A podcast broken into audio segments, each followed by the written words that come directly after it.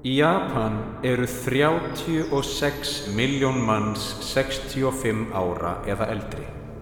Það er um 30% íbúa sem er hæsta hlutfall aldraðara í heiminum. En hvað veldur?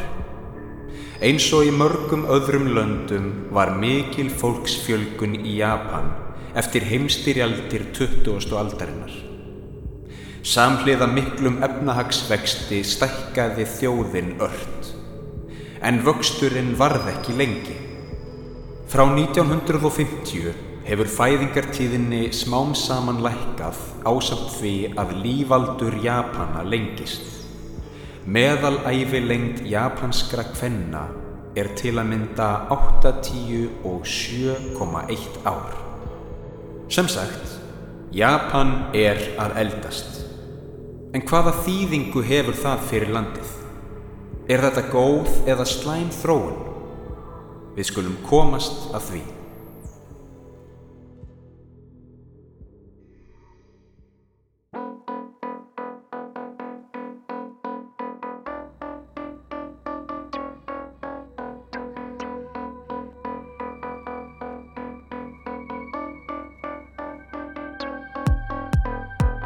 Heimsendir er í bóði Tokyo Sushi sem er einn fremsti sushi veitingastæður á landinu.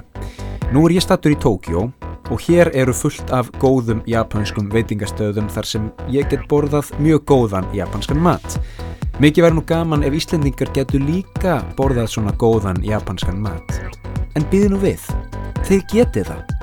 Á Tokyo Sushi fáið þið ekki bara eitt mesta úrval af sushi-réttum á landinu, heldur líka aðra japanska rétti á borðið katsu, karage, japansk curry, edamame, wakame, udon og ramen. Kíkið á Tokyo Sushi og upplifið japanska matargerð. Heimsendir er líka í bóði Bíóparadís sem er núna að verða af besta bíóhúsi landsins, varða líka en verður ennþá betra af því að núna standa viðhaldsbreytingar yfir. Húsið mun opna aftur 1. júli en þangað til getið þið farið á heima.bioparadís.is og leikt ykkur frábærar myndir. Beint heim í stofu. Kíkið á heima.bioparadís.is og upplifið bíóveistlu heima í stofu.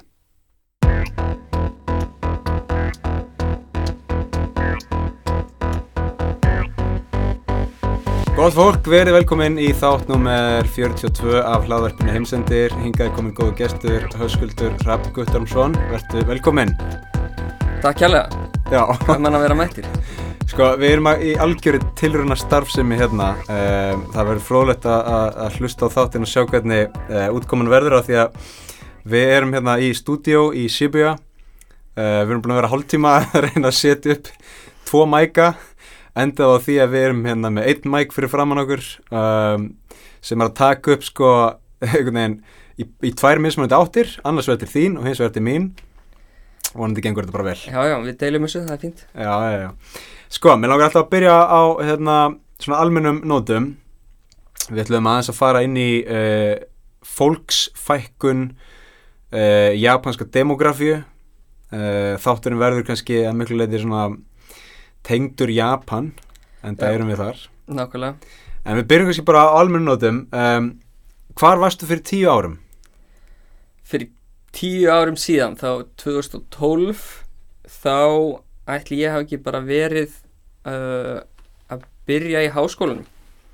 Var að byrja í viðskiptafræði í HÍ Ok, og hérna það var einnig þar sem að ég hérna byrjaði í viðskiptafræðinni og bara fyrir slisni sá ég á hérna einrænetinu hjá HÍ að það var hægt að skrá sig í valáfanga og þar var japanska já. og ég spurði hérna sem sagt einhvern kennar út í það hvort að ég geti tekið þetta, já, geti tekið þetta en, en þú mætti ekki fá henni einingar það passar ekki saman með viðskiptafræðina. Ok, en ég hugsaði bara með mér frýtt tungumálunám ok, prófum það. Og þannig tók ég einn áfanga og svo annan og svo annan og þannig að ég var komin bara með heila gráðu mm og eina sem þurfti var að fara í skiptinám til Japan. And the rest is history. já, basically sko. Já. Þannig, Já, ok, byrju, af hverju, það er svona skrítið að það, að það einhvern veginn fari ekki með viðskiptafræði, ég er einhvern veginn hefði haldið að það færi einmitt mjög vel með Já, viðskiptafræði. akkurat. Nei, ég veit ekki, það var bara einhvern veginn, þú veist, að geta tekið svona uh, major og minor, Já, það passar einhvern veginn saman, þú takir í staðin fyrir, þú takir 160 einingar, þú takir 60 einingar og svo 120 einingar já, og það bara var ekki bóðið upp á það, í, að, veist, þannig að þetta passaði saman, þetta tvent, sko. nei, nei, nei. Eru, þú veist, er ekki bara langt flestir Íslandingar í Japan í viðskiptum? Eða, þú veist, eh, Góð spurning, ég held að sé allavega sko, þú veist, fyrir COVID þá var einn þriði Íslendinga í Japan var alltaf skiptinumar á vegum HÍ. já, já, já, já, Það voru kannski, þú veist, 15-25 manns á hverju ári sem var hérna í skólum fyrir norðan og söðan, og út um allt sko. já, já, já. Og hérna núna er þetta, þú veist, bara fólk sem býr hérna, ég held sem mikið, þú veist, fólk kannski, uh, já eins og segir, í viðskiptum vinnur fyrir japansk fyrirtæki og svo er líka bara fólk sem er með fjölskyldur og Já, já, já, og, og börn hérna börn, fólk sem er með hjólsýtur já, komið inn í uh, da, daglegt líf uh, Japans. já, Sko, ok, en, en fyrir fimm árum, 2017, 2017 þá var ég fluttur hingað alveg 100% þá hérna ég kom innan 2016 og fór í mastersnám við háskóla sem heitir Rikkjó University. Fór í alþjóða viðskipti þar mm og tveggjara nám útskrifaðist 2018 byrjaði að vinna fyrir Össur og vann þar í eitt ár. Og svo farið ég með yfir og er núna að finna fyrir fyrirtæki sem heitir Icelandic -hmm. dóttu fyrirtæki Brim Já, já, já, já, tvö stærstu íslensku fyrirtækin og einu íslensku fyrirtækin er unni hérna í Japan sko. já, já, já. Þetta er sko, þetta minnir á hérna þegar Hugh Jackman var að leika í bíómyndinni Australia. já, I'm an Australian starring in a movie about Australia called Australia. já það er svolítið þannig sko. Icelandic, sko. já, Um, þú er búin að vera þær í nokkur ár Já. uh, og þú veist, hva- hvað er svona hvað er það skemmtilegasta við að vera að vinna í Japan? sko fyrir mig er það rauninni það að ég er að vinna fyrir Íslands fyrirtæki þannig ég hef voða, hérna mörg tækifæri til þess að veist kynna Ísland fyrir, fyrir fólki og en þetta er samt alveg sagt þetta er fyrirtæki í Japan þótt að sé eign hérna íslenska fyrirtækja þá er þetta veist, 100% japansk fyrirtæki Mm -hmm. þannig að ég vinn með mjög mikið á Japanum og við erum í viðskiptum við bara 100% Japani sko. Mhm. þannig að ég díla oft við mjög skemmtilegt fólk sko. Já, já, já. Þú ert að ringja í eldri Japani einhverstaðar út á landi já, sem eru með einhverja fiskvinnslu um, þú veist, þau eru að flaga, flaga og, og setja fisk í miso og eitthvað svona stöð nákvæmlega er, ég, ég er sérst í sölu og markasetningu og salan er mjög mikið þannig að, að stórpartur af mínum degi er stundum bara að spjalla við okkar gamla kalla upp í sveit já, um fisk. Og jafnvel að fara upp í sveit. Já, og og skoða vinslutnar og já, bjóða þeim út að borða og svona. Nákvæmlega. Þetta er eitthvað sem sko um, svona menning sem maður eitthvað heyrir ekkit oft um á Íslandi. Ég man að Afi tala alltaf um þetta. Hann var sko að keira um landið og selja hérna Massey Ferguson dráttavílar já, ok, þú veist þannig að hann var að fara banku upp á bæjum hjá fólki og spurja vantar ekki dráttavél eitthvað svona. Ég er hérna með katalóg uh, eitthvað svona. Og þú veist, þykja kaffibotla og, og hérna, já, vel vera bóðin í mat, setjast niður, spjalla, þú veist. Þessi hlið af viðskiptum sem einhvern veginn týnist svolítið í hraða nútímans myndi maður halda, en hún er kannski enn við Algjörlega. liðið í Japan alveg 100% sko. þótt að til dæmis oft mörgum fyrirtækjum í Evrópu og bandaríkjunum þá er þetta rosalega orðið mikið rafrænt bara gegnum tölvupósta og, og hérna og þú veist, jafnvel uh, social media já, þá er þetta hérna, þá er þessi mannlegi þátturinn svo ríkjandi sko. já, já, já það er mjög heillandi og einhverjir svona hvað segir maður, menningar munur sem þú þarft að uh, læra inn á og þú veist, þú náttúrulega þarft að tala japansku já, og tala formlega japansku já, já, algjörlega. Og hérna og alls konar hefðir þú veist um, bara alls konar menning, vinnu menning vinnstæða menning og, og hýrarkía í kringum uh, hver, veist, hverjir eru hátt settir og svona stöður og allt þetta dót tók það í langan tíma að læra inn á það?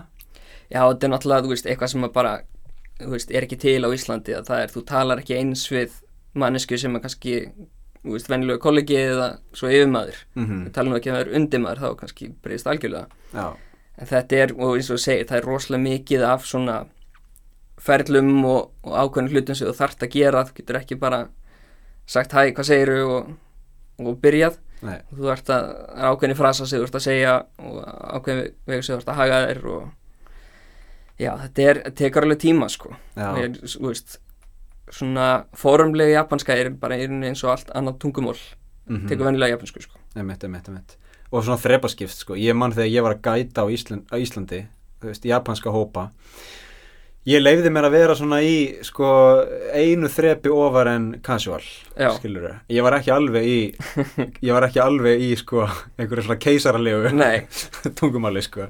Um, þannig að ég kann það í raun ekki sko. Um, ég, svo fekk ég hérna verkefnum daginn þar sem ég átt að vera svona kynnir fyrir Íslandst ferðarþjónustu fyrirtæki já, sem var að gera svona kynningamindband og, og sendi það svo til Japan. Þannig að ég fekk handrit á japansku þar voru bara orð sem ég hef aldrei séð áður þú veist, hafandi verið talandi tungumáli í tíu ár sko. uh, og ég þurfti að læra það bara algjörlega orð frá orði sko. um, það er örglega einhver svona alveg keigo business japanska sko. Al algjörlega, en það er enda góða við það að vera útlendingur að maður kannski, kemst kannski meira upp með veist, að vera aðeins minna formulegur heldur en ef maður væri 100% japanskur sko einmitt, einmitt, einmitt ég fór í hérna Sento um daginn sem er baðhús þú veist. Fyrsta sinn sem ég fór í, í Sento í hverfinu mínu. Ég meina, og þetta er líka þetta er svona, ég náttúrulega hef verið mjög oft í Japan uh, en ég hef ekki komið síðan 2019 Já, og það er bara svo margt sem gleymist. Þú veist, ég hef ótrúlega oft farið í bað onsen og sento og alls konar. Og þá, þú veist, kunni ég alveg að vinna með litla handklæði og skilur og eitthvað svona þurka sér hérna áður nú ferð hérna og eitthvað svona styrta sig á litla stólnum hann já, já, já, al, al, algjörlega vaskin í nýjahæð já, nákvæmlega og fyrir fram að lítinn speil og eitthvað svona. En ég hérna ég einhvern veginn mætti þarna og var bara bara að gleyma eiginlega öllu sko. Og ég bara fór að hugsa að byrja hangklæði, já, tek það með. Nei, maður má ekki taka það með inn í baðhúsi af því að það er ekki neitt staður til að geyma það en þá geymi ég það í búningsklefanum en hvernig ætla ég þá að ná í hangklæðið á þess að bleita allt gólfið? Og þá sé ég náttúrulega allir eru með litlu hangklæðin skilur Já. annarkvæmt á haustnum eða skilur einhvern veginn til hliðar. Já, en ég er ekki með neitt lítið hangklæði og þau eru ekki til en þú getur keift þau en þar ég þá fara allsbyr fram í afgriðslu en af því að ég er bara gaijin ég er bara útlendingur, þá bara er allt svolítið leifilegt heldur betur sko. Fólk fyrirgefur alveg meira kannski gefur hotnauga en Já. sumir en, en ég held að sé alveg meira maður fær, Venjulega. ken, já, algjörlega, maður kennst upp með þetta sko. en hvernig byrjar 2022 og svona hvernig hvernig kemur Japan undan um, síðustu tveimur árum Já, kemur undan, ég held að það séu bara ennþá undir síðustu tveimur árum það ekki Það er, þú veist, nú fór ég sjálfur til hérna Evrópu í smá viðskiptaferð fyrir nokkur ykkur síðan. Mm -hmm. og þar bara, þú veist, tekum maður alltaf eftir COVID, það er engin með grímur nema þá kannski í, þú veist, almenningssamgöngum. Það er engar hömlur á hvert hvernig þú ætti að ferðast og hvað þú ætti að gera. Og ég var að segja kollegum minnum og vinnum minnum hérna í Japan frá þessu og það fyrsta sem var sagt bara, já þetta er bara eins og annar heimur. Mm það því hér eru ennþá allir með grímur. Fólk er ekkert að fara mikið út nema það þurfi þess og fólk talar um COVID hverju mennast deg einmitt. Já, ég, ég tók það fram í síðasta þætti að ég væri hættur að tala um COVID. Uh, en það er bara ekki hægt sko. nei, ekki hérna sko. Þetta er hvernig, hvernig ertu, ert, sko um, hvernig finnst þið grímuskylda? sko, hún er alveg góð og gild þegar, þú veist þegar eru hásmit og svona en, en eins og staðan er í dag þá, þá finnst mér ekki þörfa og þú veist með hvernig þetta búið að vera eins og í Európu mm -hmm. að fólk sem er að fá þetta, þetta er bara eins og flensa einmitt. að þú þurfir að vera með þetta sérstaklega hvað þá eins og úti. Já, hér er allir með grímur bara frá því þú lappar út úr húsinu á mótnana og þá kemur heim á kvöldin. Já, og það er, þú veist jafnvel þótt að verju öll grímuskylda hérna bara, þú veist, tekin í burtu á morgun þá held ég að Japani myndi alveg vera með grímur almennt fram til 2025 sko. já, já. Það, og, og sumir eru bara búin að hjúra sig inn í gríminu ja, algjörlega sko. bara, þú veist, komnir í eitthvað comfort zone sko. og þú veist, jafnvel fyrir þetta þá var þetta svo venjulegt Já, ég heyrði sögugt tíman fyrir löngu síðan að það var hérna bekkur í, í mentaskóla svo útskruðist þau og, fengur svona ljósmynda allir bekknum og það könnuðist ekki við eina manneskina já, já, já, þá var það stelpa sem var búin að vera með grímu okkur með einsta degi. Síðan hún byrjaði í skólinum og var ekki með grímu á myndinni þannig að Já, ég, ég man þegar ég var í leiklistaskólanum þá voru við hérna þurftu að æfa allan eina sýningu með grímu sko. Já, og þú veist þegar maður að reyna að opna munnin og tala skýrt, hátt og snjált eitthvað á, þú veist á þriðja orði er gríman bara komin niður á bringu, skilur algjörlega. Um, þannig að maður var svona farin að svona, hvað sem maður uh, geibla sig og einhvern veginn nota höguna til að halda gríminu uppi og svona. Svo þegar við losnum við grímuna þá var allir bara konum ekki eitt skrítna svipi. Þú veist það bara, bara andlitin bara öðruvísi skilur og maður bara eitthvað ákveður þetta að gera þetta með högunni komið nú, ég er bara laga grímuna sem er ekki til staðar. Nei, nákvæmlega ég er allan að vera mjög sáttur þegar þetta hérna, klárast hérna. Já, þetta er alltaf búið í Íslandi en þetta er náttúrulega, þetta er að færast í rétta átt. Já, þetta er svona hægt, landið er hægt og rólega að opna. Þeir þurfa alltaf bara að mistiða sig fyrst að þeir gera rétt. Þeir setja allt og harða reglur á gera sér svo grein fyrir því að það séu að verfitt og svo aflita er hægt og rólega. Þannig að þetta er, það er eins og segja að byrja að taka skref í rétt átt. Já, já, já, af því að það var hvað í fyrra, þá bara mátt ekkit eða þú veist, þá var ekkit mikið verið að fara út á kvöldin og, Nei, það er búið að vera svo kallað svona neðrastand hérna meira að minna síðustu tvö ár. Mm, og það var, þú veist, það kom á og var tekið af og það breytist stundum en þá var vanlega kannski þá máttu veitingastæðir ekki vera opnir á tímambili lengur til sjö svo tímambili lengur til átta. Uh, svo var tekið það upp að það mátti ekki uh, servera alkohólin einstæðar mm burt sér fólk hvernig þeir opnaði og lokaðu og fólk var að vera að hvetja fólk að vinna heima og sem kannski var ekki tekið svakalega vel í allan mismöndi milli fyrirtækja sko. Mm og núna er svona hægt og rólega að byrja að aflétta þessu. Og það var held ég bara hvort það væri þessari að síðustu vika sem að hérna vera að tala um að þú þurftir ekki að vera með grímu úti lengur. Já, já, já, já, ef heldur tveimur metrum þá, þá, í miðborg Tókjó það sem er ekki auðvelt, hægt. sko. ég, nei, ángríð sko ég er náttúrulega, kann ekki að labba í svona markmenn, markmenni sko. Nei. síbuja skramblið og allt þetta maður er bara alveg, þú veist, maður bara frýs og stendur bara kyrr. Já, þú veist, að maður veit ekki hvernig maður á að snúa sér sko. Um, en sko talandum fólks fjöldan í Tókjó já, þá er nú talað um að að eftir nokkur ár verði hann ekkert mikill, eða þú veist nei. Það, er verið að tala um að Japan sé hérna sko hvað, á næstu hundra árum þá fari bara íbúafjöldin í tvent, einhvern veginn, lækki um helming. Hann ætla búið að síðustu árum er, er meðalaldurinn búin að fara upp frá, þú veist, 30 og eitthvað upp, ég held að meðalaldurinn núna sé 48 emitt, og fólk er ekkert að eignast börn og það er eignast börn, þá er það eignast eitt barn. Já, já, já þannig að þetta er eitthvað sem að þeir þurfa að gera virkilega eitthvað í bara taka upp á nýjum pólísíum og, og breyta hlutunum til rækila sem er kannski ekki ekki mjög auðvelt fyrir Japan. Það þeir eru svo rosalega hérna venjufastir og, og sem að gera landið mjög skemmtilegt að, því leiti líka að þeir eru þeir halda mjög vel í höfðir. Mm og sem gerir, veist, mjög gaman að ferðast hérna, sjá hérna gamlar borgir og, og hof og ýmislegt. En þá, þegar það er að breyta hlutunum, þá gengur það mjög hægt. já, já, já, og maður hefur svona séð að Japan er svolítið svifa seint sko þegar kemur alls konar vitundavakningum og, og svona menningar og samfélagslegum breytingum um, eitthvað sem gerist mjög hratt á Íslandi. Já, það líka eru allir svo tengdir og rattirnar sem allir fá í Íslandi eru svona mestuleiti einsleitar, þú veist. Við erum ekki eins og í bandaríkjunum þar sem, þar sem fréttaflutningur er bara algjörlega á öndverðu meiði eftir í hvað þú ert stattur sko. nákvæmlega. Veitu hvaða sjónvarsvara svo þú horfir á? Já, nákvæmlega. Um, En hérna í Japan þá einhvern veginn kannski af því að þetta er svona vanafast og kerfin eru svo rót gróin Já, að þá, þú veist, tekur geðað langa tíma fyrir fólk að breyta til. Alveg eins og með grímuna, skilur þú veist. Hérna, Kishida Shusho, fórsettur á þeirra geti sagt á morgun bara herru, þetta er búið, bara engar grímur, hættu þessu. En fólk myndi örgulega bara vera með gríma já, já, alveg endalist sko. Já. Ég hérna, ég hef alltaf sagt að ég held að Japan sé eina landi í heiminum þar sem afsökunin, en við höfum alltaf gert þetta svona. Sýk alveg gild afsökun sko. og af hverju? Já, bara því við höfum gert þetta.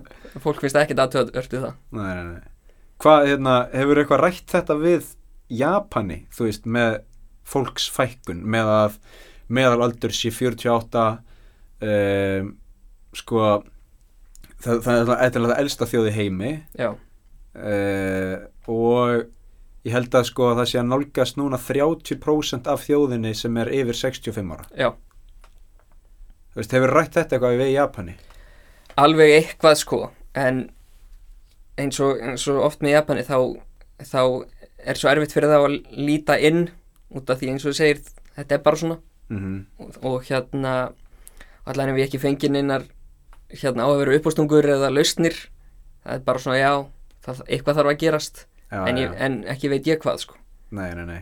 Þannig að en ég held til dæmis þú veist Japanir eru eins og segir þeir eru svolítið eftir á Evrópu og, og, og bandaríkjónum tekur allt svolítið lengri tíma eins og bara með þú veist hérna jafnrétti og, og hérna og svoleiðis hluti. Mm að ég held ég séu svona loksins að byrja átt að sjá þessu.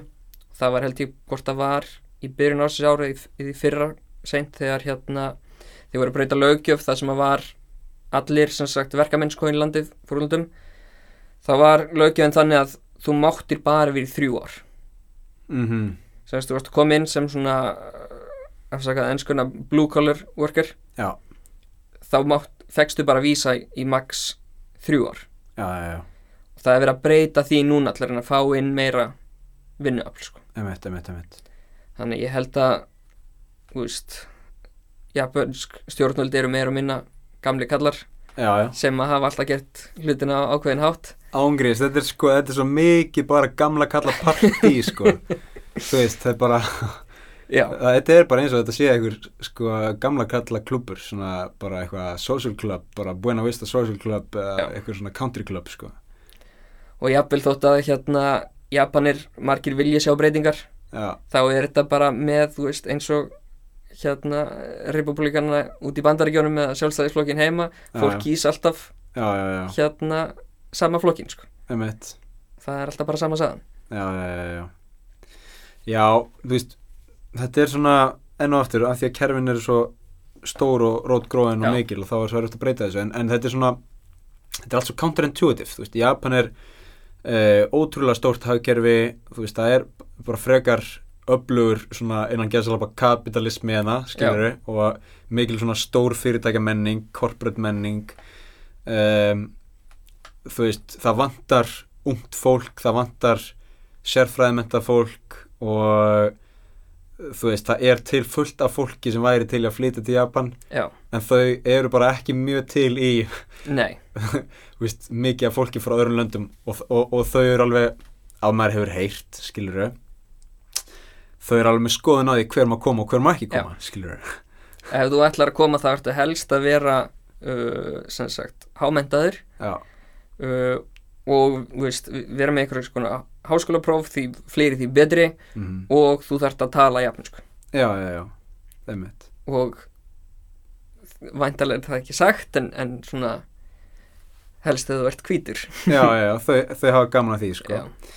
Þau eru alveg xenofóbísk hvað það var, ég mann þegar ég var búa í Narita sem er hérna uh, ég bjóð þar í tvo mánuði 2018 Narita er sem sagt þar sem alþjóðlegi flugvöldurinn er uh, einn af þeim. Stærsti. Stærsti hvað, er klukktíma frá Tókjó eitthvað sluðis, já. Já, og ég man, ég var í, eh, eh, sko, ég var í ræktinni, ég var í Gold's Gym í Narita.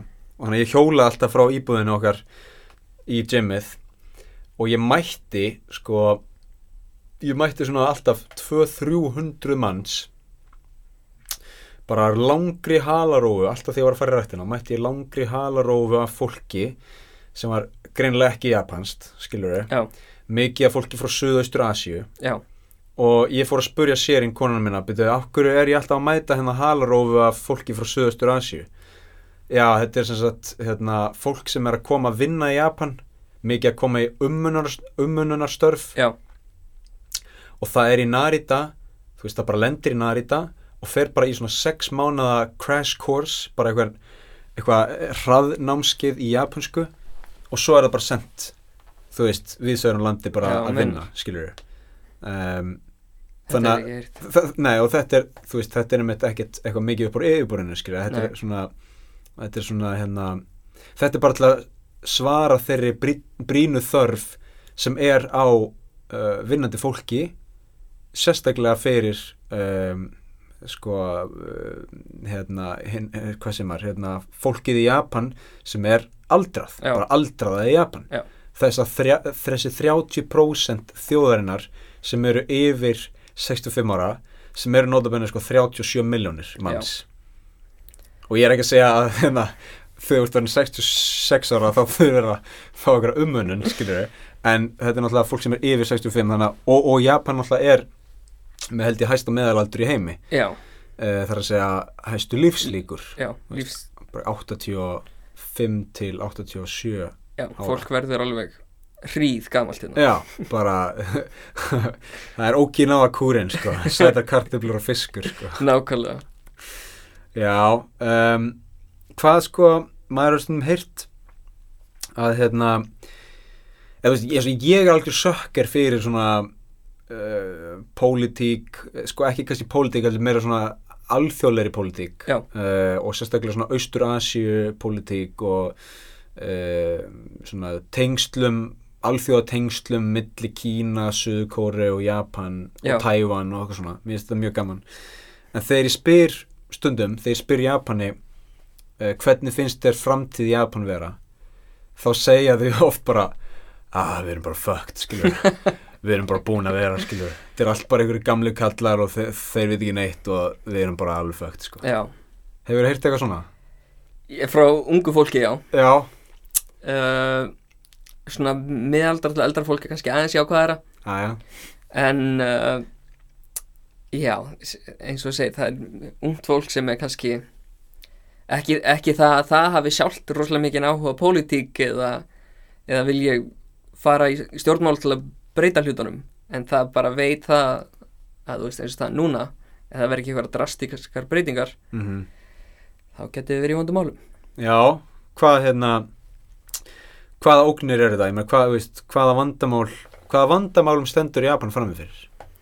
Ég held að sko nummer 1 og 3 sé bara þessi fólksfækkun. Mm að sérstaklega núna þegar segir með 30% af fólki yfir 65 ára að þú ert að fá inn sem sagt rosalega hóp á elli líferi og þú ert ekki ennum að brota brota því sem er vinnandi svona ungu fólki Já, sem á að borga sem, átt að fá elli lífin fyrir þetta fólk frá. Já, og alltaf bara síðan hérna búblan sprakk í Japan hvað var það 91 eða eitthvað svoleiðis mm þá hefur, þú veist, hafa verið svolítið á, á hérna svona tætt róp varandi það hvað, hvernig efnaðarinn er. Já, já, já. Þannig að þessi fólksfækkun er ég myndi ég segja stærsta ógnin sko. Þetta er, veist, svo ég sagði aðan þá er þeir að taka skrifir rétt átt en það er bara spurning hvort að það þeir séu verði nú fljótir að þið ekki sko. Og við, fyrir utan það að reyna að opna fyrir sko uh, sérfræðimentu fólki veist, það er alltaf voða skemmtilegt um, og svo kannski hérna, heyrir maður ekki mikið af því en eins og ég sá þarna first hand í Narita þá er kannski aðeins verið að uh, slaka á xenofóbíunni gangvart sko uh, fólki umununarstörf og annars leikt um, fólk, sko, það, það hefur, ég maður heyrt líka eitthvað svona að það sé verið að hvetja til uh, þess, hvetja fólk til að mynda fjölskyldur, skilur já, og aðeins að búa til eðlilegra umhverfi í kringum það að sérstaklega konur já, geti átt Akkurat. bæði starfsframa og fjölskyldu. Þú veist, eitthvað sem hefur verið bara hinga til annarkvort eða. óþekkt sko. Já, að, að konur vinni og hérna og ekki börn, það er yfirleitt. Og jafnvel sko hef ég heitt stelpur á hérna á okkar aldri mm þegar hérna þegar ég var í skiptinámi hérna út í Ósaka. -hmm. að hún, var góður eitt besti háskólinn á Kansasvæðinu Mm og hún var að læra alþjóða samskipti og ég spurði hvað langaði svo að fara að vinna við þegar þú ert með útskrifast. -hmm. mér langar eiginlega ekkert að vinna. Mér langar bara að finna mér sætan strák og eiga barn og fara Já. svo að taka í út af því það er, þú ert komið eitt barn þá ertu bara að sjá með barnið. Já, það er bara þín vinna, svo Já. ertu búinn. Já, það er náttúrulega þessi uh, menning sko sem er bara mjög gömul og er einhvern veginn en við líði að miklu Já. leiti og fólk sem ætlar að reyna að uh, sína frumkvæði og brjótast út úr þú veist, einhverju svona staðalímynd það mætir oft bara mótlæti já, já, algjörlega og Bara- það er já. hérna, þú veist, og maður hefur heyrt það að konur sem að hérna eiga börn og ætla að koma aftur í vinnuna að þær séu, þú veist, jafnvel bara eiginlega þvingaðar út eða þær fá enga ábyrð þegar koma tilbaka Mhm. en þetta er, þú veist ekki alveg 100% bara einhver ílska í, í fyrirtækjum heldur allavega eins og, eins og þetta væri eins og útskýrt fyrir mér þá er þetta það hérna að þegar þú átt bann þá á það að vera þinn bara 100% forgangurinn þinn en þú vinnur fyrir fyrirtæki þá á það líka að vera 100% forgangurinn þinn já, já. þannig fyrirtækjum er illa við að byggja fólk til þess að vinna lengur eða taka meiri ábyrð þegar þú ert komið með bann Já, já, já, já, já, einmitt. Já, já, þau eru að snúa þessu svolítið við, sko. Við erum að gera þetta fyrir Mm, For your benefit, Já. skilur. Við erum ekki um þig. Já. já, já, já, já, þeir vilja bara 100% hérna hlýðlustu frá sínum starfsmönnum. Já, en það er óþægilegt innan gæsa selpa já, að já. byggja nýjar mæður um það. Já, já, ég meina Það er svona með, sko. Um, Já, þetta er áhugavert, veist, þetta er líka bara spurningum svona hvernig samfélag uh, lönd vilja skapa, sko. Um, Þú veist, hér er ég, eins og ég segi, ég er nýkomin til Japan núna uh, og ég er, hef aldrei búið í Tókjó og ég þekki þetta ekkert nógu vel, sko, en maður getur ímyndað sér að sum stórfyrirtækin hérna séu svona einhverju leiti það öflug að þau geti bara storkað svolítið ríkistjórninni eða þú veist, þau, veginn þau hafa svo mikið vald viðst vera, sko til, Algjörlega, til sko. að móta bara menninguna og svona stór fyrirtæki, sérstaklega gömul fyrirtæki þar er bara rótgróin menning sem að hérna sem er bara, þú veist, hefur verið til staðar þú veist, næst í hundra ár kannski mm -hmm. en svo ertu líka, þú veist, á einni hliðin ertu með fyrirtæki eins og hérna ég fór eins og heimsókn til Salesforce hérna bandarist fyrirtæki þeir eru með rosalega flotta og stóra skrifstofi hér. Það er bandarist fyrirtæki og þar er vinnuandin bara bandariskur Já, þar er ekkert verið að láta þið vinna eitthvað svakalega yfirvinnu henni unni hvar sem er bara lengi sem þú skilja henni vinnu þá ertu frálsinn að ferða og og já bara mjög svona, þú veist evrósk eða bandarísk hérna típa af vinnu. Hvernig er hjá þér? Hjá mér, þú veist, ég vinn fyrir japansk fyrirtæki sem er samt í eigu hérna, uh, semst, Brim útgerðarfélagsins heima uh, með íslenskan yfirmann en marga hérna Japan á skrifstofinni þannig það er við erum að reyna að hafa þetta eins íslenskt Já, eins og hægt er. Stytting vinnuvikunar Já, það er, já, kannski eftir að eiga samtal eftir hérna þátt um, um það, nei, hérna en það er oft, þú veist Japanir eru bara vanir að vinna eins og þeir gera. Mm og oft þegar kannski hérna við erum að gera eitthvað sem okkur finnst veist, gott fyrir starfsmenn eitthvað til að gera vel við starfsmennina þá finnst það, það jafn, bara næstu því óþægilegt. Já, já, já. Við erum að, veist, gefa auka frí eða eitthvað svoleiðis. Mm þá er svona já en, en ég þarf samt að vinna, má ég ekki koma í vinna? Einmitt, einmitt, einmitt, einmitt. Já, og, en sko og út frá því heldur að sé ekki komin einhver smá menning í Japanina eða í, í bara Japan að sko fyrir því að, að, að uh, það að vera í vinnunni sé að vinna. Jú, algjörlega. Það er ekki það er enginn að vinna í 13 tíma sko. Nei. það er sko enginn að vinna í 13 fucking tíma. Einhver staðar las ég einhverja statistík um það að hérna Japanir vinna semst flesta tíma á viku almennt. Mm en ef þú skoðar sko afkostin bör klukkutíma já, þá eru þau eina, eina vestu í heiminum sko. hvað er fólk að gera vinnunni? Það er góð spurning sko. það er eins og segir, það er bara þetta að vera á staðnum mm því er að þú sért að vinna. Emitt og það er auðvitað, veist, eins og kannski sumir hafa heyrt af þessum menning að þú mátt aldrei fara fyrr heim heldur en yfirmæriðin emitt þannig ef yfirmæriðin er bara hvað slægur á skrifstofunni já. þá heldur hann allir í skrifstofunni í gíslingu bara. Það er náttúrulega ömöli staða. Ef að yfirmaðurinn er komið með svona geggjaða skrifstofu já, þú veist, hann er með, eða hann eða hún eða whatever skilur er með bara hægjendastól og jáfnvel nutt í bakinu skilur eitthvað fiskabúr þú veist, kannski sjónvarp eða eitthvað sér, þannig að þú veist yfirmaðurinn getur bara verið að chilla langt fram á kvöld og allir aðrir eru bara að býða nákvæmlega. Það er ömulegt þannig að, og það er, veist, það eru sum fyrirtæki sem er alveg 100% ennþá þannig, sko. Já, já, já, já, einmitt. Þannig að en þetta er eins og ég segi, það, það er bara það getur verið svart og hvítt. Mm þegar ég tek sem dæmi Salesforce eins og ég nefndi alveg bara mjög léttur andi þar og svo ertu bara með, þú veist, þú ert með heilan orðaforða um svona fyrirtæki sem að eru, þau eru kalluð svört fyrirtæki. Ok, það sem er, þau eru bara þekkt fyrir að borga láglaun rosalega mikið liðuðina mm nýst á starfsfólkinu já, já, og þetta eru kannski fyrirtæki sem er alveg þekkt og, veist stór fyrirtæki í Japan sem er, veist, kannski almenningur veit ekki en fólki innanum veit að einmitt, einmitt, einmitt. hvernig þessi fyrirtæki eru, sko. Og, og þau, og þú veist, það er ekki þannig að eins og Íslandi að þú ferði í einhverja vinnu og þú ert eftir tvö ára eitthvað, að ég er ekki alveg að finna mig hérna og þú bara stekkur í næstu vinnu. Veist, það er sérstaklega fyrir fólk sem er þú veist, eh, komið inn í fyrirtæki gegnum eitthvað svona admission process, skilur já, fer í mörg viðtöl tekið inn í eitthvað úrtak svo, svo lækkar þá, lækkar þá svo kemst inn í eitthvað fyrirtæki. Já, þá ertu að miklu, miklu leiti bara að fara að vera þar svolítið lengi sko. já, í sögulegu samingi hefur það verið rosalega þannig þessi hérna svo kallar lifetime employment. Það sem að þú útskrifast úr hvort það er mentaskóla eða, eða háskóla og eins og segir þú ferði svaka hérna svona viðtalsprósess kannski ferði sjö viðtöl mm -hmm.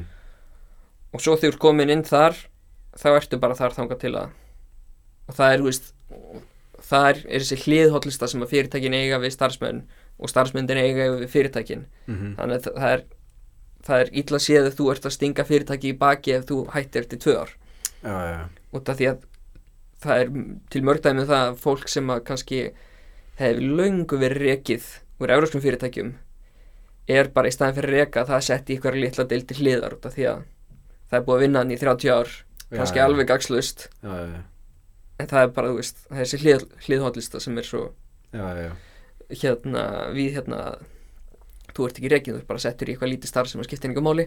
Já, já. og, en þetta er samt að breytast. Já.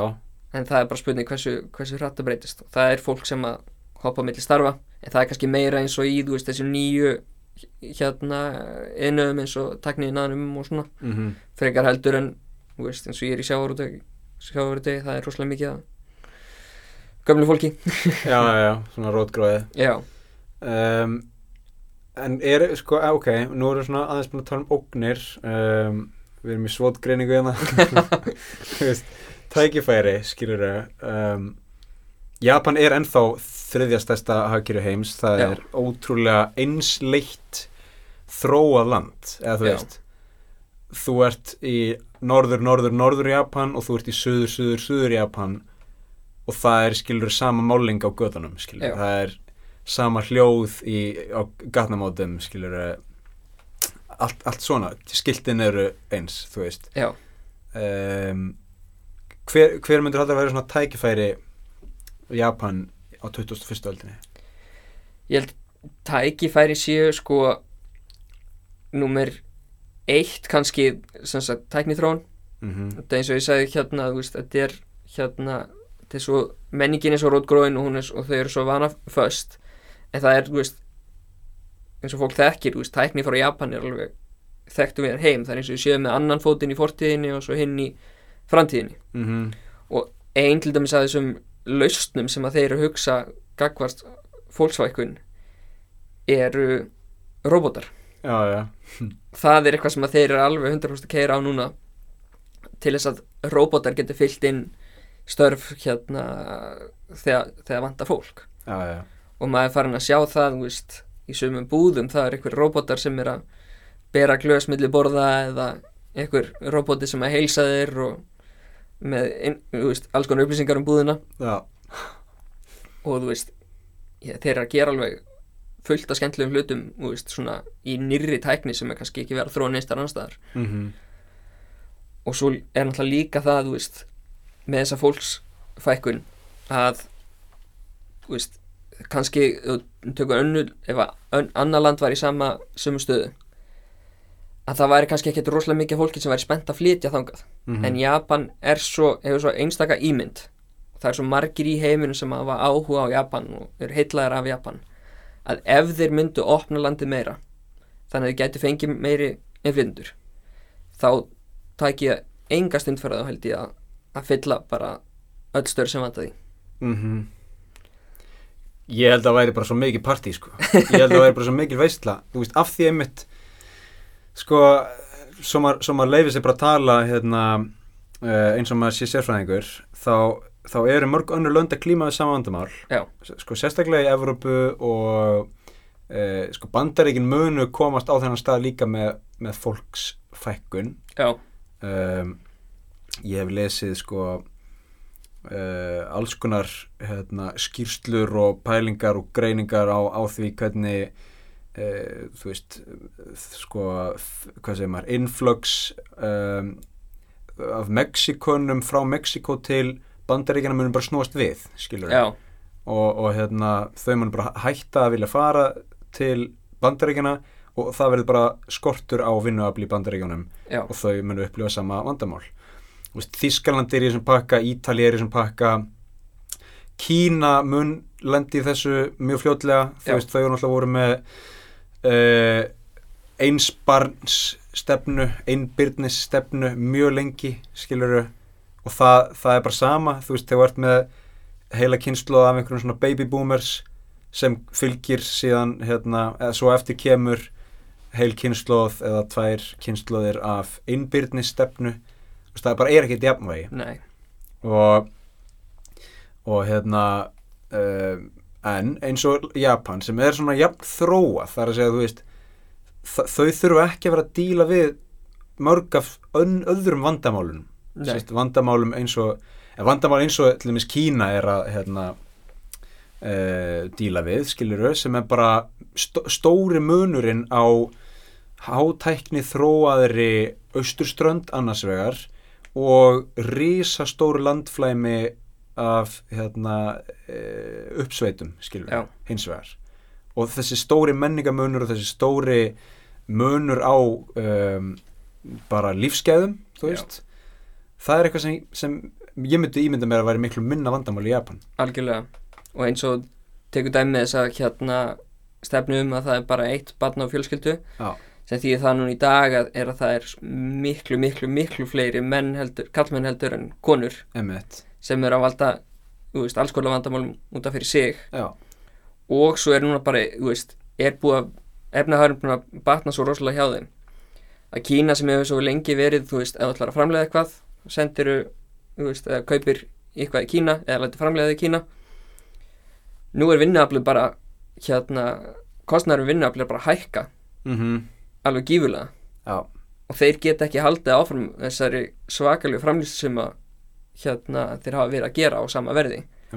Og þú ert að fá önnur lönd eins og Indonési og Vietnam sem er að koma þar á móti sko. Já, já, já. Þannig að já, spurning hvort að heitagar Kína séu bara að líða lókum sko. Já, algjörlega, það allan eru, þú veist það, það, það eru svona fjölbreyþari vandamál verðist vera. Já, miklu meiri áskoranir eða svona víðari áskoranir. Á meðan Japan er bara búið að vera status quo í 30 ár þú veist þetta er bara búið að vera þróað samfélag mjög lengi. Um, ef að þérna þau myndu bara slaka eins á útlendingafordómum, skilur slaka eins á hérna um, þú veist bara, bara auka jafnbreytti kynjana, skilur já, fá virkja konur í, í hérna sem vinnu afl Já, og bara, þú veist, búa til umhverfi þar sem um, fólk getur bara valið svolítið hvernig það vil haga lífi sínu, skilur. Svo það sé ekki sett í annarkvort að, að vera búið til fjölskyldu eða að vinna og geta ekki átt bæði og einhvern veginn, þú veist, það er bara svo, það er bara svo heftandi getur maður ímyndað sér, sko. Uh, veist, þessi tvö vandamál væru regla nóg til að bara Japan yrði bara powerhouse algjörlega. framtíðarinnar já, já, já, það er náttúrulega, þú veist, það eru ímis, þú veist, svona einhver smáinn eins og segir, þessi tvö aðalatri ef, ef þau getur lagað það bara á nóinu, Mhm. þá held ég að það væri svo mikið sem að var hægt að gera hérna og þú veist, efnaðan myndi algjörlega snúast við, sko. Já. Hvað, sér þú fyrir þér auki samstarf milli Íslands og Japan? Já, það er náttúrulega, þú veist, nú er fyrirtæki sem ég vinn fyrir búin að vera að flytja inn fisk í hérna í 30 ár og, og Japan búin að vera að flytja inn bíla og alls konar tekni hluti til Íslands Mm -hmm. og þetta er alveg, þú veist, við erum alltaf að vinna í því með, þú veist, með sendiráðinu og vestlunraðinu að reyna að stofna fríhúslanarsamning Já. og það virðist alveg vera þú veist, þetta er áhugi frá Íslandi en það virðist alveg líka, líka vera smá áhugi frá frá á, á því hérðan sko Já. þannig ef að, ef við gætum unnið eitthvað svoleiðis þá er alveg endalist sem verður að gera þetta á milli sko Mm einflutningur og, og Ísland sem, sem land sem, veist, eiga eldfjalla og álfa fyrir Japanum er alveg rosalega spennandi sko Það er gott trademark, sko. hmm. Sko, maður ímynda sér líka með hérna orkumál, að það getur Já. verið gaman að hérna uh, sko, nú er, í- nú er uh, 35% af orkuframleiðslu á Íslandi er uh, hittaveitu orka. Í Japan er það, veist, 1% eða eitthvað. já, Vassfars orka, orka líka. Já, þeir hafa alveg Japanir gætu nýtt vassvarsorkuna svo rosalega vel. Já, en hún er öll í þjóðgörðum emitt. Já, sem er, þú veist, ég menna, það er gott að hafa marga þjóðgarða, myndi ég halda, en, en, en ekki ef þú þarft að vera að flytja inn gas frá, frá Rúslandi og olíu frá Saudi-Arabi, eða þú veist, skilur Nei, nákvæmlega Þannig að það er, hérna, maður þarf svolítið að velja á hafna, sko. Já, já, Um, hefur eitthvað pælt í af hverju Japan er svona ótrúlega háð innflutningi á hráefni? þetta er náttúrulega bara, þú veist lítil eiga sem er, þú veist, 90% fjöll í rauninni Já, þannig það er ekki mikið, veist með svakalega hérna sem sagt hita og kulda sem kemur á fer og, og það er hægt að veist, það er til dæmis einhver staðar er verið að hérna færistu það að rækta vín hérna í vestur Japan gengur ekkert alltaf vel held ég en, en svo líka bara svo miklir háir standardar hjá Japanum að þeir vilja bara það besta og já, já, já. Þau, þau eru ágætt í hérna ávöxtum. já, Hefur smakað tíu skrona mango? nei, ég hef það ekki. En, en, þess, en ég hef smakað, þú veist rándir jarðaber Já, og hérna epli.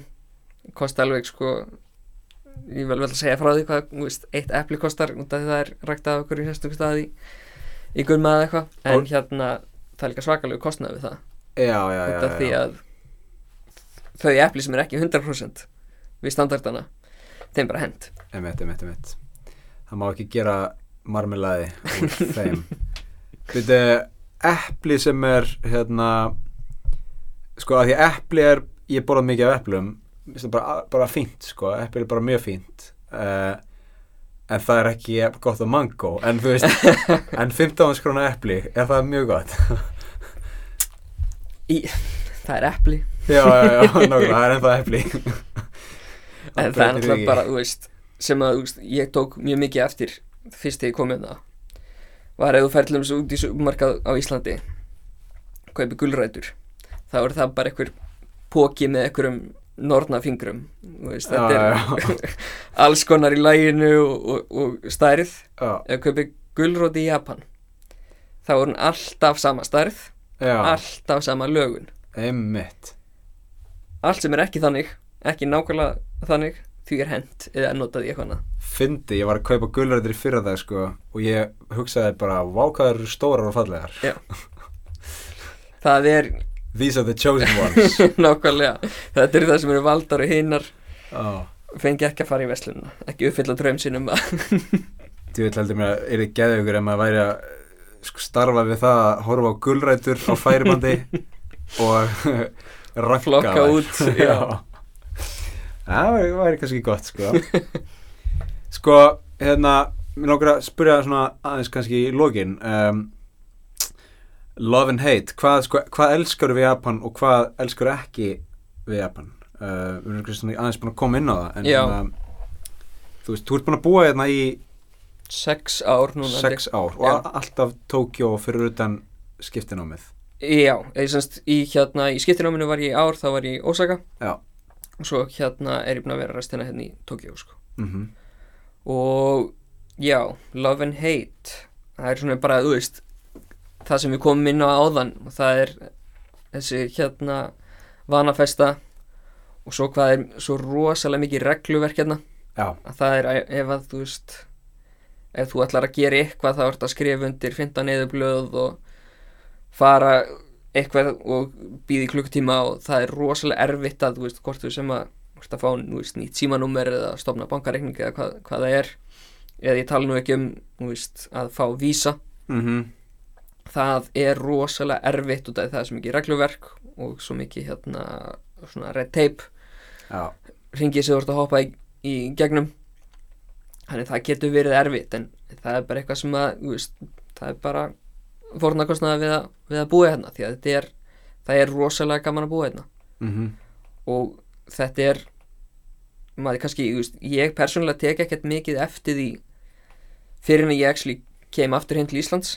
Já, hvað það er rosalega convenient að búa hérna. Mm að þú veist að vera í einnig stærstu borg í heimi það sem að, að er allt aðgengilegt öllum tímum dagsins þú getur hérna þú vilt á Amazon það kemur næsta dag það er alltaf búðir opnar nánast alltaf. Mm og það er bara svo ótrúlega mikið sem er að gera. Emitt og eins og segi, ég tek yfirleitt ekki eftir því fyrir maður kemur heim í, í litlu Reykjavík þegar. Já, já, þegar vindurum blæs. Já, þegar maður gerir sig greið fyrir þessu. Já, byrju, sko, svo mikið að gera Hvað gerir maður? Það er góð matur sem maður getur borðað, það eru hérna skemmtilegi garðar sem maður getur farið í, það eru uh, búðir, það eru skemmtistaðir, það er hægt að fara rosalega mikið bara, þú veist, með klukktíma lestaferð.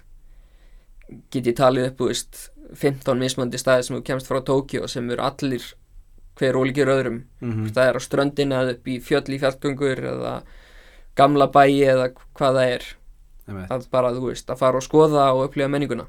Mm Já, ég Mér dreymur um að gera svolítið þannig, sko um, Þegar ég er hérna Og ég er sérstaklega hrifin af ströndinni. Mér finnst Já. svo skemmtileg pæling. Ég var aðeins kyrt hann framhjá uh, Ísu og eitthvað svona aðeins fyrir söður tók, eða sérst sunnan Tókjó Já, með svo skemmtileg pæling.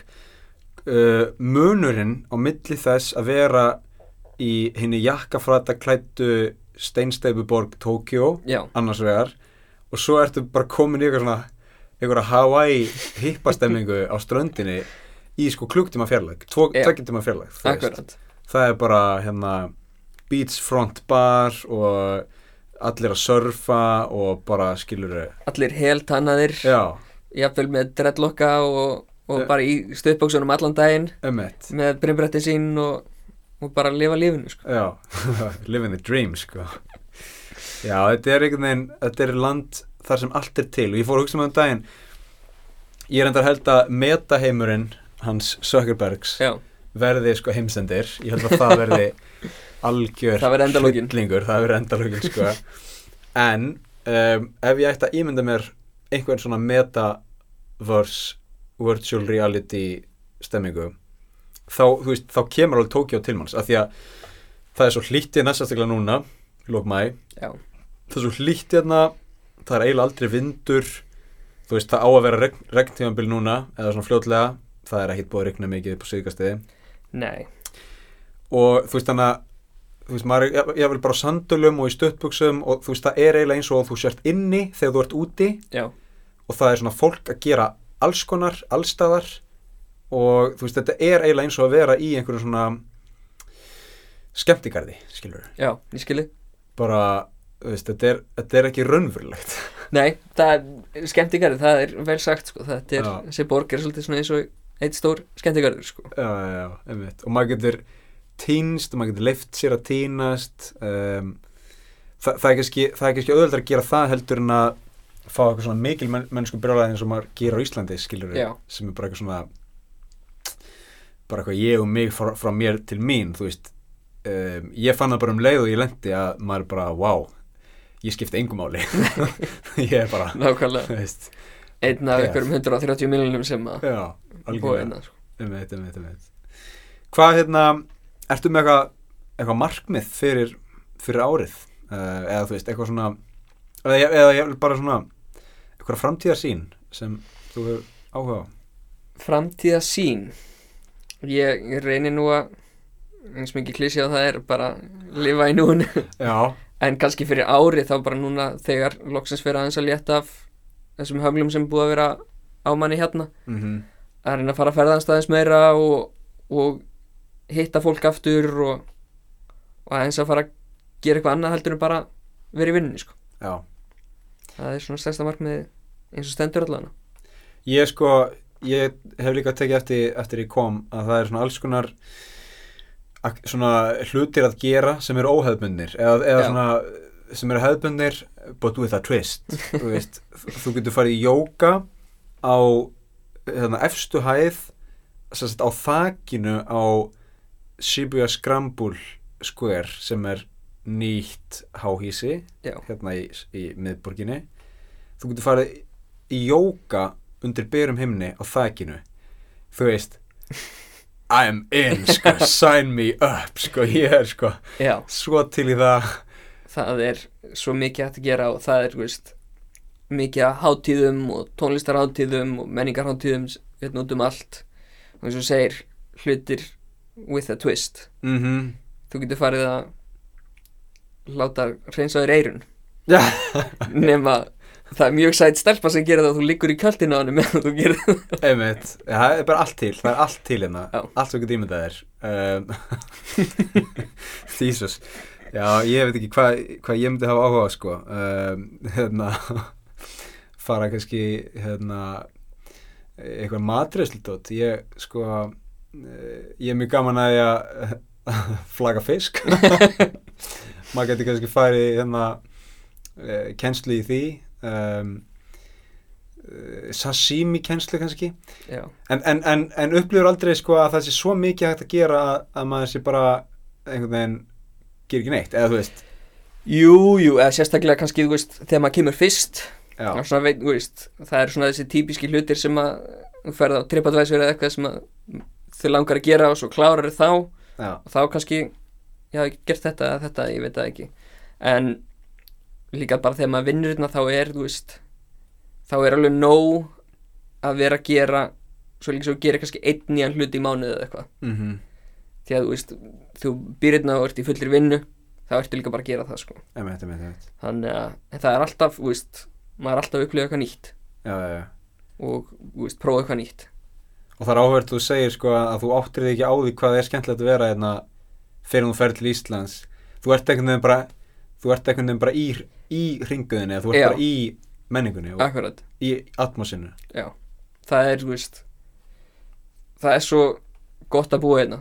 Og það er ekki, og ég er ekki að segja að það sé svo leiðilegt að koma heim til Íslands og litli Íslands sé svo leiðilegt það er alltaf ógeðslega gaman að koma heim mm. sérstaklega hitta, þú veist, fjölskyldu og vini.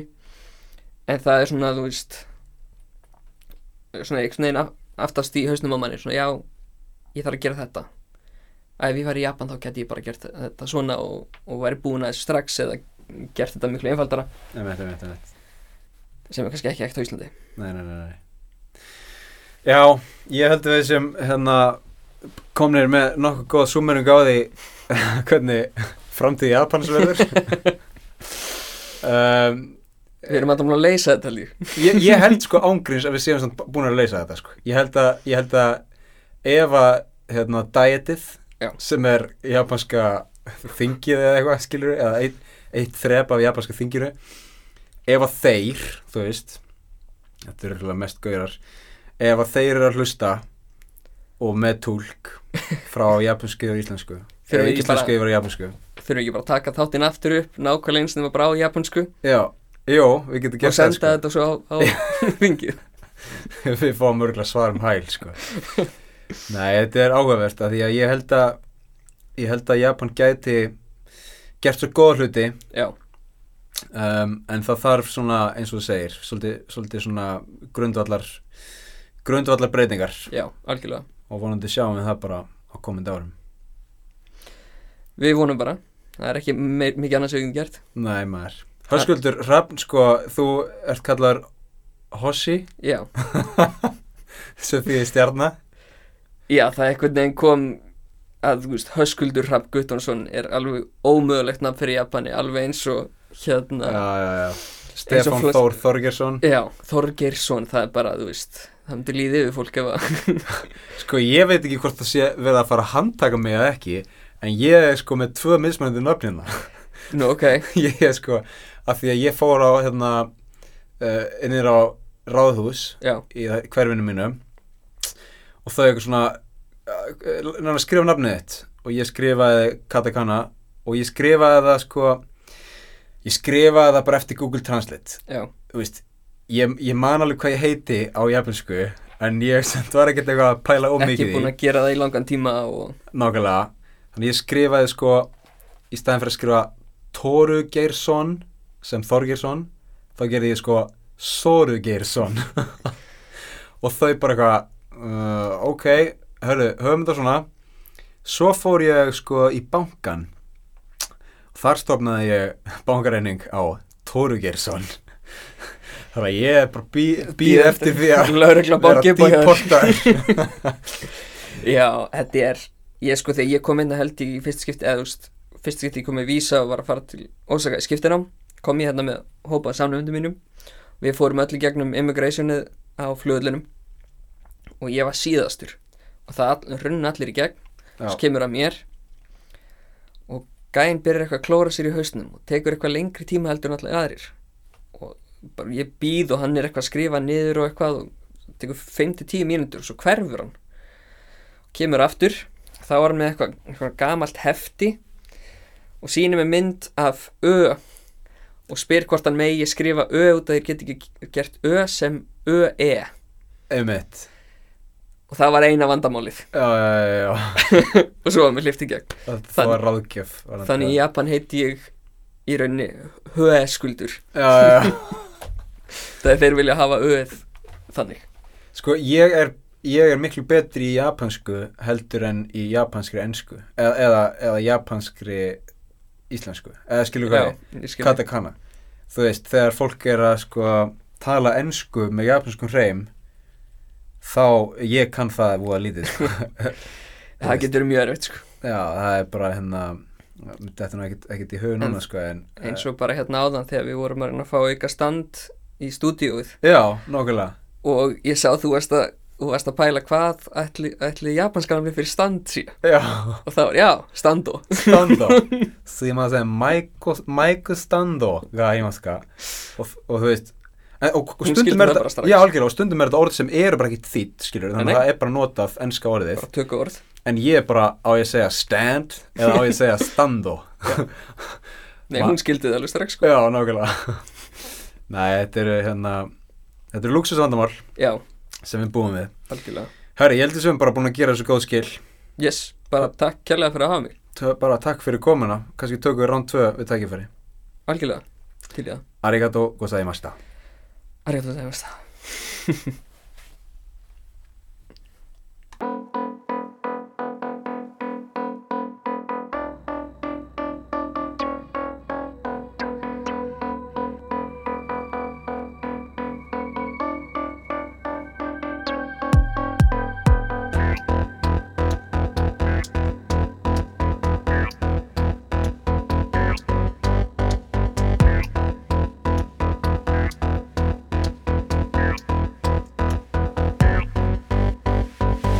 Kæru hlustendur, takk fyrir að hlusta. Eins og þið vitið, þá er heimsendir komin til Japan og við ætlum að halda þessu áfram, halda stemmingunni áfram. Þegar ég segi við, þá á ég náttúrulega við um mig, af því að ég er svona að mestuleiti að þessu einn, en með ykkar hjálp getum við verið fleiri. E, mér langar að byggja ykkur með greiða í dag og það er einfallega að segja fólki frá þáttunum. Ef þið fýlið þetta, ef ykkur finnst gaman að hlusta á heimsendi, endilega segið einhverjum frá því. Okkur vantar alltaf fleiri meðlemi í fjölskyldun okkar, kíkið inn á Facebook, við erum með heimsenda hóp þar sem heitir einfallega heimsendir. Við erum komið með 250 meðlemi þar en okkur vantar alltaf fleiri meðlemi í fjölskylduna þannig að ég byrð ykkur um að segja frá þáttunum, segið vinum ykkar eða fræntfólki eða fjölskyldumeðlemum eða bara vinnufjölum eða hverjum sem er. Segið einhverjum frá heimsendi og þá verð ég æfinlega þakkláttur. Takk fyrir það. Takk fyrir að hlusta og við heyrumst í næsta þætti.